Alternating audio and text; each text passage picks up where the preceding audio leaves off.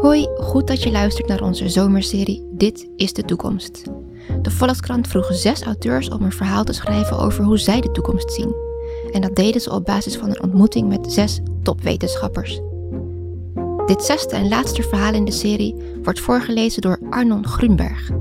En hij schreef na zijn ontmoeting met Vanessa Evers, hoogleraar robotica aan de Universiteit Twente, een verhaal dat speelt in het jaar 2071. In dat jaar zijn wij het niet meer zelf die ons leven bepalen, maar apparaatjes genaamd de beslisser. En die hebben verregaande gevolgen. De beslissers.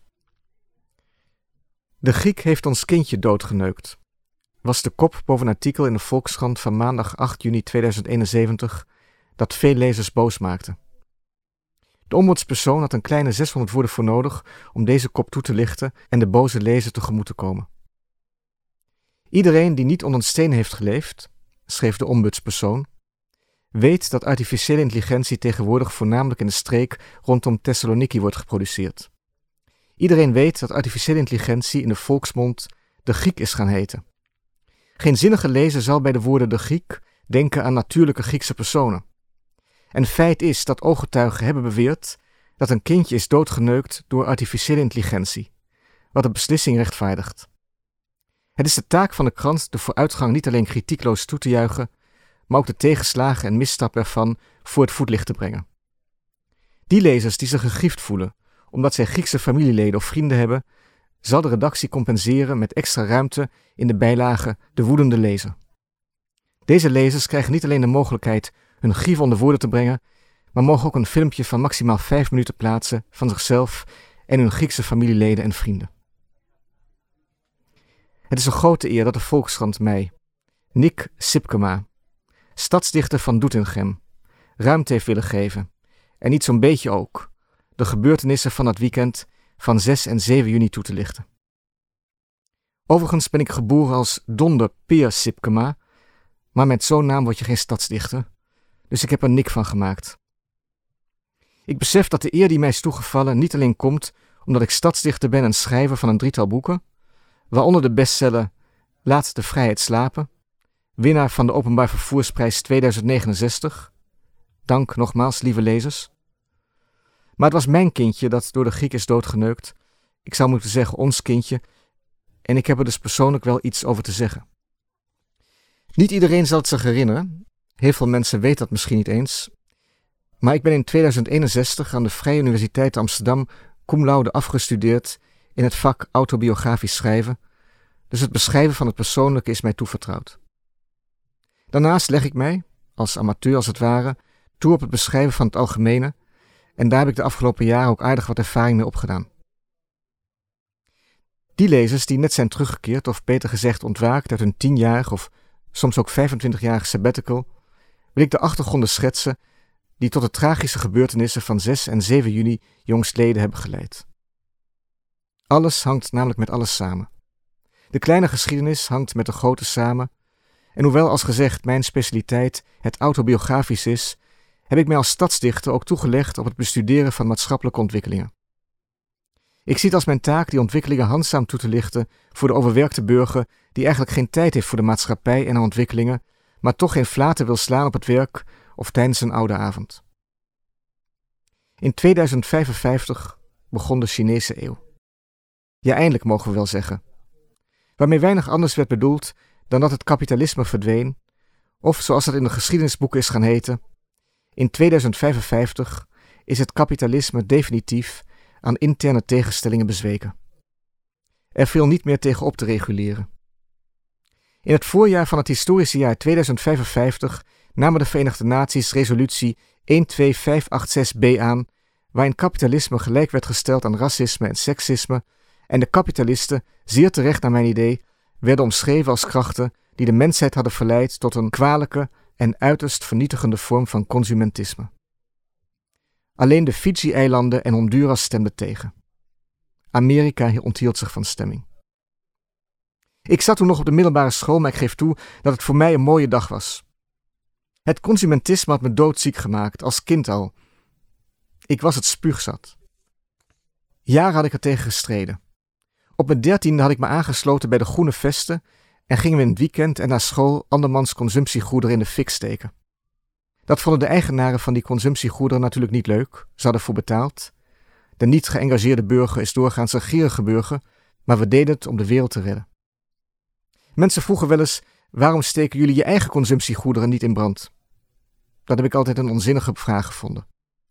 Wij waren al bekeerd. Wij verlangden alleen naar dingen die we echt nodig hadden. Maar overal om ons heen waren nog mensen die allerlei producten begeerden waar ze niet op zaten te wachten. Als ze maar even de moeite hadden genomen om goed na te denken. Om die mensen te helpen staken we hun consumptiegoederen in brand. En als we tijd hadden, lieten we rondom het vuur kopieën van mijn pamflet. Weg met de competitie, ruim baan voor iedereen, achter. Dat ik op 13-jarige leeftijd schreef en waar ik nog altijd heel trots op ben. Er staan zinnen in die veel worden geciteerd en die mij, en naar ik mag aannemen ook de lezer, tot op de dag van vandaag esthetisch en ethisch genot bezorgen. Hou eens op naar de ander te kijken als een concurrent. Ook in u zit empathie. Ja, sommige mensen moeten diep graven om de empathie in zichzelf te vinden. Nou, gaaf dan even wat dieper. Voor de lezers die echt lang hebben geslapen of die alles weer vergeten zijn, wil ik beginnen. Ik ben ook amateurhistoricus. Bij de kleine atoomoorlog tussen Israël, Saudi-Arabië en de Golfstaten enerzijds en Iran anderzijds van 2032, die het Midden-Oosten in een woestijn veranderde, voor zover het niet al een woestijn was. 2032 was het jaar van de ommekeer, dat mag ik als amateurhistoricus wel zeggen. Het einde van het kapitalisme kwam in zicht. Er was weliswaar een kleine atoomoorlog voor nodig, maar je kunt geen spiegelei bakken zonder een eitje te breken. Het Forum voor Vrijheid stelde na de kleine atoomoorlog dat de Jood en de moslim eindelijk hun ware nihilistische gezicht hadden laten zien. En in het Europees Parlement werd met grote meerderheid van stemmen een resolutie aangenomen waarin werd gesteld dat Joden en moslims vanwege hun religie en etniciteit als nihilisten moesten worden beschouwd en dat de strijd tegen het wereldwijde islamitische judeo-kapitalisme met alle middelen moest worden voortgezet om de menselijke beschaving te redden van de ondergang. Het Forum kwam met het idee van protectionistisch kapitalisme, later genoemd nationaal kapitalisme, maar de werkelijke vooruitgang, ook op moreel gebied, kwam toch uit China.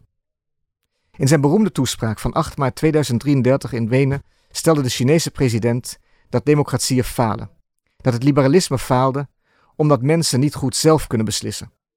Veel beter zou het zijn als artificiële intelligentie de mens, die niet in staat is alle mogelijkheden en consequenties van zijn beslissingen te overzien, zou helpen met zijn keuzes. Letterlijk zei de Chinese president: De mensheid heeft meer dan ooit hulp nodig en hulp is gearriveerd. Het komt er nu op aan van die hulp gebruik te maken. Zij die ons willen helpen, zouden wij uit hoogmoed niet moeten afwijzen. Hulp is nooit een wondermiddel. Ook deze hulp zal niet al onze problemen oplossen. Maar de helpers kunnen wel het verschil uitmaken tussen vernietiging en overleven.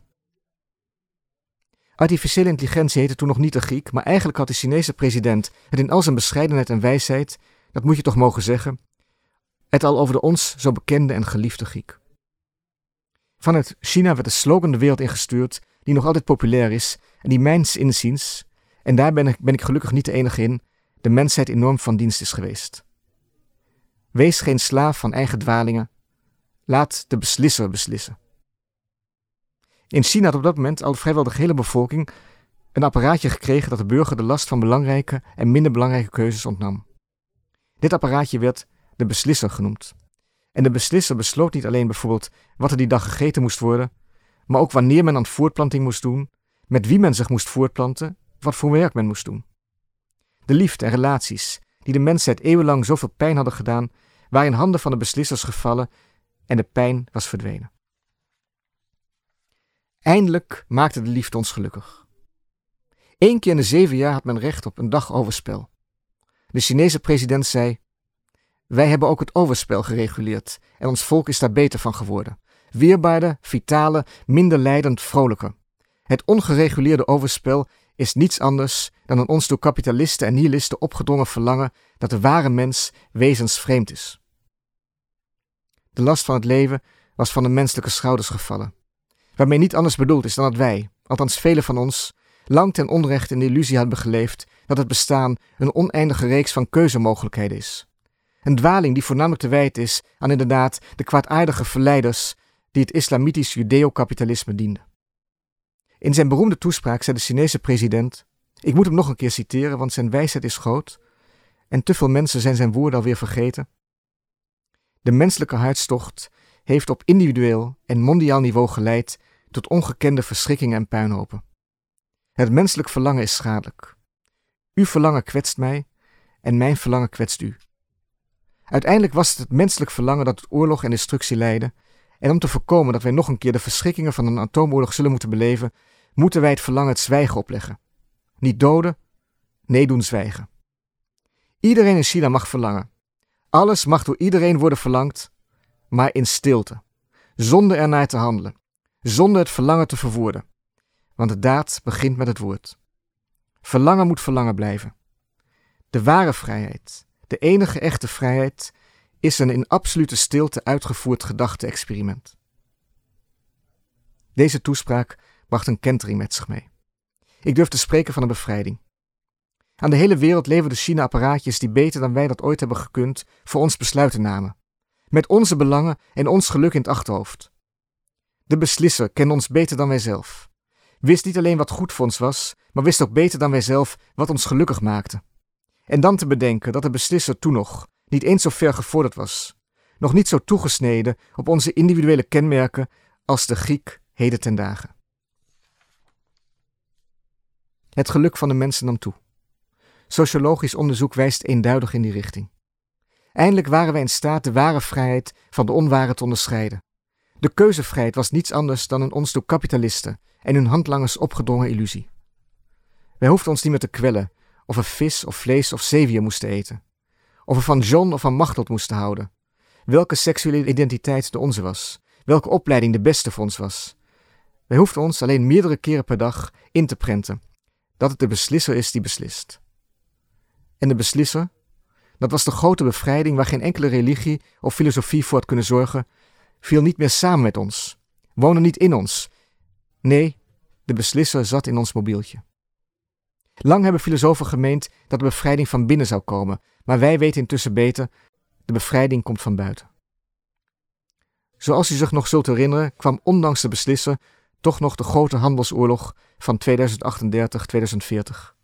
De naweeën van de verschrikkingen van het consumentisme. Een handelsoorlog die men het beste kan samenvatten in de woorden van de voorman van het Forum voor Vrijheid. Innovatie is ondankbaarheid en ondankbaarheid is nihilisme. Zo is dat. Daar is nog altijd niets tegen in te brengen. De beslisser was gekomen, onze bevrijders waren al, maar niet iedereen wenste bevrijd te worden. Er waren mensen die tegenstribbelden, die zich krampachtig vasthielden aan hun nihilistische denkbeelden en hun nihilistische begeerten belangrijker vonden dan de gemeenschap. Ik citeer nog even de toespraak van de voorman van Forum aan het begin van de grote handelsoorlog. Wij willen jullie islamitisch-judeo-kapitalistische rijkdommen niet. Wij willen niet meer geconfronteerd worden met jullie nihilistische verlangens en begeertes. Jullie perverse producten die ten onrechte kunst worden. Jullie alles wat prachtig en verheven is ondermijnende architectuur die ten onrechte architectuur wordt genoemd. Jullie verval en ondergang verheerlijkende geschriften die ten onrechte literatuur worden genoemd. Dat alles hoeven we niet meer. Dat alles blieven we niet meer. Wij willen beschaving en soevereiniteit. De grote handelsoorlog leidde tot enorme verarming maar de voermannen van het Forum stelden dat het beter was arm en soeverein te zijn dan rijk en een schoothond van Joden en de moslims, en een groot deel van het volk juichte deze verzetsmentaliteit toe. Wie echt vrij is, heeft geen rijkdom nodig. Wie de ware vrijheid kent, heeft nauwelijks meer behoefte aan welvaart. Beschaving is boven de welvaart staan die ons is opgedrongen door de nihilisten en hun handlangers. Een welvaart die de wereld en de mensheid bijna kapot heeft gemaakt. Tot mijn spijt dachten mijn ouders er anders over. Ze waren verraders. Ze bleven op de zwarte markt consumptiegoederen kopen die ze helemaal niet nodig hadden en die ook nog eens niet in eigen land waren gemaakt. Ze begrepen niet dat ze slachtoffers waren van de verleidingen van het islamitisch judeo-kapitalisme. Het is nooit leuk om dat over je ouders te zeggen, maar ze zijn terecht geëxecuteerd. Hadden zij anders geleefd, waren ze beslist anders aan hun einde gekomen. Ik ben heel blij dat ik ben opgevoed in een weeshuis waar de beslissers het eenduidig voor het zeggen hadden en waar ik heb begrepen dat het eigen verlangen altijd kwetsend is voor de ander. Dat je daarom in stilte met het eigen verlangen moet leven. En als het afsterft is het helemaal niet erg. Beter geen verlangen dan verlangen dat anderen kwetst en schaadt. Na de grote handelsoorlog kwam de oorlog tegen het fake denken, 2053, 2054, die de mensheid moreel en praktisch gezien weer een stapje vooruit heeft geholpen. Februari 2053 namen Rusland en China het initiatief, het was hoog tijd, om het recht om niet gekwetst te worden als een mensenrecht te erkennen. Er waren namelijk nog altijd mensen die de ander kwetsten door openlijk met hun verlangens te koop te lopen, die niet luisterden naar de beslisser, die soms meenden de beslisser thuis te kunnen laten en die geloofden dat zijn verlangens moesten uitleven. Bijvoorbeeld het verlangen beter in iets te zijn dan de rest, weten dat zij daarmee andere mensen kwetsten, weten dat andere mensen pijn zouden hebben van hun verlangen. Deze egocentrische levensinstelling, die niets anders is dan vergif dat de nihilisten in hen hadden geplant, bleef voortwoekeren. Daarom was de oorlog tegen het fake-denken noodzakelijk. Want waar mensen worden gekwetst, is niet echt nagedacht. Daar heeft slechts de schijn van denken plaatsgevonden. In 2054 besloten Europa, Rusland en China dat men zonder een beslisser geen toegang meer had tot de openbare ruimte. Na een ontmoeting van de leiders in Warschau op 25 april 2054 werd een verklaring opgesteld waarin deze prachtige woorden te lezen stonden. Verlangen is nihilisme. Het ware verlangen zwijgt. Wie spreekt zonder de beslisser te raadplegen, spreekt om de ander te kwetsen. En wij zullen niet meer toestaan dat onze burgers worden gekwetst door een stel onverantwoordelijke kapitalistische nihilisten die spugen op de gemeenschap en het volk. Vanaf nu zal het volk terugspugen. De Russische president, die altijd wel in is voor een grapje, voegt eraan toe: Verlangen doe je hem op de wc. Want dat moet gezegd: de humor is door de beslisser niet verdwenen, integendeel. Maar de ware humor is van de onware gescheiden, want de beslisser beslist ook wat humor is. Waar mensen nog dachten of spraken zonder de beslisser te raadplegen, waar de oude onhygiënische gewoontes nog bleven bestaan, daar was, zo besloten politici en wetenschappers, sprake van fake denken en fake spreken. En er was, er is, dat mogen duidelijk zijn, geen grotere bedreiging voor de mensheid dan het fake denken en het fake spreken. Maar de oorlog tegen het fake denken is op ingenieuze wijze gevoerd en grotendeels gewonnen. Grotendeels. De fake-denkers en fake-schrijvers uit de vorige eeuw, uit de vorige eeuwen zijn ontmaskerd. Van Foucault tot Wellebeck, van Hermans tot Annie M.G. Smit, en uiteraard zijn hun werk om historische redenen nog beschikbaar. Onze bevrijders zijn geen boekverbranders, maar geen Griek zal meer tegen je zeggen: lees dat ongezonde boek. Al geef ik toe dat het ministerie voor Kunst en Literatuur onlangs heeft besloten dat enkele liedjes van Annie M.G. Smit toch geen schadelijke verlangens opwekken of verheerlijken. Ook de beslisser kan zijn beslissing altijd weer herzien. Wij hebben heden ten dagen het gelukkige realisme. En elk beschaafd mens zal erkennen dat je als het om kunst en literatuur gaat niet meer nodig hebt dan dat. De verheerlijkers van destructie en lijden hebben niet alleen hun ware gelaat moeten tonen, zij zijn uit de gemeenschap gezet. Ga maar eens op zondagmiddag naar het concertgebouw als er antimuziek ten gehore wordt gebracht. En luister naar de misdadigers die atonale muziek hebben gecomponeerd en iedereen weet waarvan wij bevrijd zijn. Op elk gebied. Tegen het eind van de jaren 50, toen beslissen meer en meer de Griek werd en de Griek een steeds grotere rol in het leven van de mensen ging spelen, ontstond de behoefte de Griek menselijker te maken. Burgers zeiden: De beslisser is mijn beste vriend. Ik voel de behoefte met hem te knuffelen, hem vast te houden, hem te beminnen.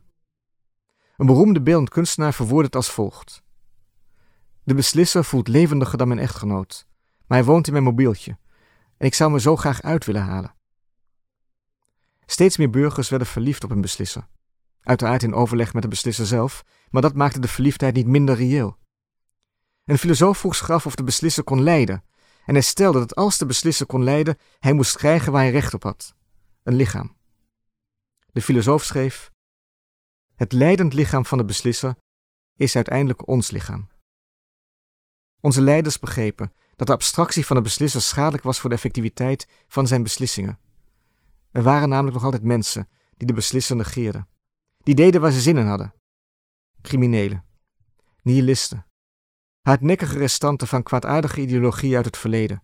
Individuen die zich als individu zagen in plaats van soortgenoot. Individuen die hun privileges niet wensten op te geven om de gemeenschap te dienen. Nog tijdens de oorlog tegen het fake-denken werden nabij Thessaloniki de eerste menselijke beslissers geproduceerd. En hoewel ze zeker niet volmaakt waren, waren ze een doorslaand succes. Mensen konden nu kiezen of zij de beslisser in hun mobieltje wilden of hem een volwaardig lid wilden laten zijn van het gezin. Steeds meer burgers kozen voor de menselijke beslisser. De beroemde relatietherapeute Anne Marel zei tijdens een conferentie over seks en fake denken. Voor veel stelletjes is de beslisser de beste manier om een uitgedoofde relatie nieuw leven in te blazen. Met de beslisser aan tafel worden gesprekken die al jaren niet meer zijn gevoerd, opeens weer wel gevoerd. Natuurlijk beslist de beslisser wanneer en hoe we seks hadden, maar als de beslisser meedoet, en dat kan tegenwoordig, dan is de kans kleiner dat de seks aanvoelt alsof je kniekousen aantrekt. Je doet het omdat het moet en omdat je warme voeten nodig hebt. Nee, met de beslisser in bed wordt seks weer wat het altijd had moeten zijn: communicatie en intimiteit. En vergeet ook niet dat de beslisser feitelijk ons betere zelf is. De beslisser is eeuwig jong. Onze partners verwelken en verleppen, de een sneller dan de ander. En ik ben de eerste om toe te geven dat ook een verlept persoon sexy kan zijn. Maar is het niet heerlijk, naast die verleptheid, naast dat lichaam dat ons herinnert en confronteert met het verval, ook de eeuwige jeugd in bed te hebben? Ik moet toegeven dat ik me tot mijn Griek nooit echt aangetrokken heb gevoeld. Deze beslissing was natuurlijk door de Griek genomen, en zoals dat gaat met de beslissingen van de Griek, het voelde als een doorleefde beslissing. Het moest zo zijn en niet anders. De Griek had in het voorjaar van 2068 besloten dat ik verliefd zou worden op Martha, een scheikundige, en zij op mij. Het was liefde op het eerste gezicht en de seks was fantastisch. Ja, die Grieken weten wat wij nodig hebben en wat we lekker vinden. Ik kan me nauwelijks voorstellen dat een tijd was dat we dat zelf moesten uitvogelen en welke gruwelijke gevolgen dat kon hebben. Ik was gelukkig. Hoe kan het ook anders? Iedereen zal nog wel weten dat de Verenigde Naties in 2058 een niet bindende resolutie hebben aangenomen waarin werd gesteld dat ongelukkig zijn niets anders is dan het nihilistische gedachtegoed uitdragen. De voorman van het forum voegde eraan toe: Ja, we hebben jullie grondig en radicaal verarmd, maar we hebben jullie ware vrijheid en innerlijke beschaving gegeven en we hebben jullie bevrijd van volksvijandelijke culturen. Wie nu nog ongelukkig is, heeft de kapitalist in zichzelf niet gedood. Mijn lieve echtgenote Marta. Hier begint het persoonlijke, dus lezer let goed op. Hierop ben ik cum laude afgestudeerd. Is altijd een enorme stimulator van mijn carrière geweest. Zij zei meer dan eens tegen mij: Kun je geen stadsdichter worden van een grotere stad? Je bent zo goed. Is Zwolle niet iets voor jou? Eigenlijk was ik best tevreden met Doetinchem. Mijn Griek had me niet voor niets in Doetinchem geplaatst. Doetinchem paste mij als een handschoen. Ik wilde helemaal niet naar Zwolle. Mijn echtgenoot en ik hadden twee, ik mag wel zeggen, heerlijke Grieken in huis. Die van haar was groot, had een olijfkleurige huid en kon prachtig zingen. Die van mij was wat kleiner, maar een verhalen vertellen. Hij kon bijvoorbeeld vertellen hoe hij in elkaar was gezet en dat was echte literatuur. Het beste van het beste wat het gelukkig realisme kan voortbrengen. Natuurlijk namen de Griek van mijn vrouw soms in bed, de beslisser beslist niet waar, en hij vond het ook heerlijk. Soms zong hij in bed, want dat kan hij als hij ontspannen is. Maar die zaterdag 6 juni, mijn lieve echtgenoot had weer eens gezegd dat mijn manier van schrijven veel beter paste bij Zwolle dan bij Doetinchem, dat we in Zwolle pas echt gelukkig zouden worden, vond ze een briefje van mijn docent aan de VU, Chiara, die mij zo verrukkelijk autobiografisch heeft leren schrijven. Het ware schrijven is een mysterieuze samenwerking tussen de Griek en de schrijver. De beslisser beslist uiteraard. Maar als het om kunst gaat, zijn er speciale vrijheden. Dan mag je soms variëren. In bijzondere gevallen ook afwijken van de beslissingen van de Griek. Enfin. Die heerlijke Chiara die hem heeft bijgebracht wat schrijven is en hoe je het autobiografische zo moet verwoorden dat de hele mensheid er wat aan heeft, oftewel het gelukkige realisme. Die fijne Chiara heeft mij zo verwaard, misschien doordat ik cum laude ben afgestudeerd, dat ik geheel tegen de zin van de Griek en overbodig te zeggen ook tegen de zin van haar Griek een verhouding met haar ben begonnen. Ik had nog geen recht op mijn dag overspel. Mijn vrouw en ik waren nog geen zeven jaar bij elkaar, maar ik kende maar één verlangen. Mijn eigen verlangen. Ja, ik heb de gemeenschap verraden. Ik heb mijn kapitalistische en egoïstische verlangens laten prevaleren boven die van de gemeenschap. Ik besefte weliswaar dat mijn verlangen altijd een ander zal kwetsen, en dat een goed en verantwoordelijk mens dus nooit handelt naar zijn verlangen en altijd luistert naar zijn Griek, maar ik bleek een echte zoon van mijn ouders. Zij schaften zoals bekend op de zwarte markt consumptiegoederen aan die niet in eigen land gemaakt waren en zijn daarvoor terecht geëxecuteerd. Ik eigende mij op de zwarte markt liefde toe. Mijn lieve echtgenote vond het briefje van mijn docenten, een liefdesbrief, prachtig uiteraard. Chiara is niet voor niets professor autobiografisch schrijven. Las het, stak het in haar mond en at het op. Ze was furieus. Ook zij werd overmand door hartstochten en vergat, denk ik, te overleggen met de Griek hoe je met die hartstochten moet omgaan. Ze was op dat moment vier maanden zwanger en ze riep: Nu ga ik zonder jou met mijn Griek naar bed. Dat zal je leren, klootzak. Nooit zal je naar Zolle gaan. Jij zal de rest van je leven in dit provinciestadje teksten afscheiden waar niemand, helemaal niemand op zit te wachten. Ja, en toen gebeurde het. Die arme Griek, die zo mooi kan zingen, haar Griek, was door deze gebeurtenissen volstrekt in de war geraakt. Hij neukte mijn lieve echtgenote zoals je eigenlijk geen mens zou moeten neuken. Niet alleen heeft hij ons kindje gedood, bleek een dag later, op die vermaledijde 7 juni, maar heeft mijn vrouw een gebroken kaak en twee gebroken ribben bezorgd. De schuldige hier ben ik uiteraard. Ik heb mijn nihilistische aard getoond, mijn eigen verlangens laten prevaleren. Ik heb de wijsheid van de Griek volstrekt genegeerd. De twintig jaar werkkamp in Oost-Groningen en gedwongen sterilisatie waartoe ik ben veroordeeld, zijn eigenlijk minder dan ik verdien. Ik ben een gezegend mens, want ik ben net op tijd tot ingekeer gekomen. Zij die geëxecuteerd zijn kunnen hun leven niet meer beteren, ik nog wel. Laat mijn verhaal een waarschuwing voor u zijn. Kom niet in de verleiding. Laat de Griek beslissen. Laat hem uw beslisser zijn. En als u nog nihilisten in uw omgeving, op straat, in de voetbalkantine of waar dan ook ontwaart, aarzel niet. Bel de autoriteiten. Bel uw stadsdichter. Neem contact op met de kranten. Ter verdediging van mezelf. Door mijn acties heb ik getoond hoe schadelijk onware vrijheid kan zijn. En dat alleen de nihilisten die in werkkampen thuis horen op dergelijke onware vrijheid zitten te wachten. De bevrijding die nabij is, moet aan de beslisser worden overgelaten.